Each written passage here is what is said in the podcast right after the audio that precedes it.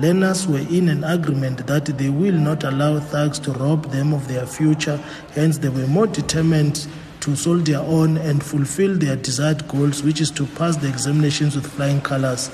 The department is equally grateful that the community led by the chief in the area and different structures pledged to do everything humanly possible to work with the police to ensure the safety of the learners at the school and in the surrounding areas.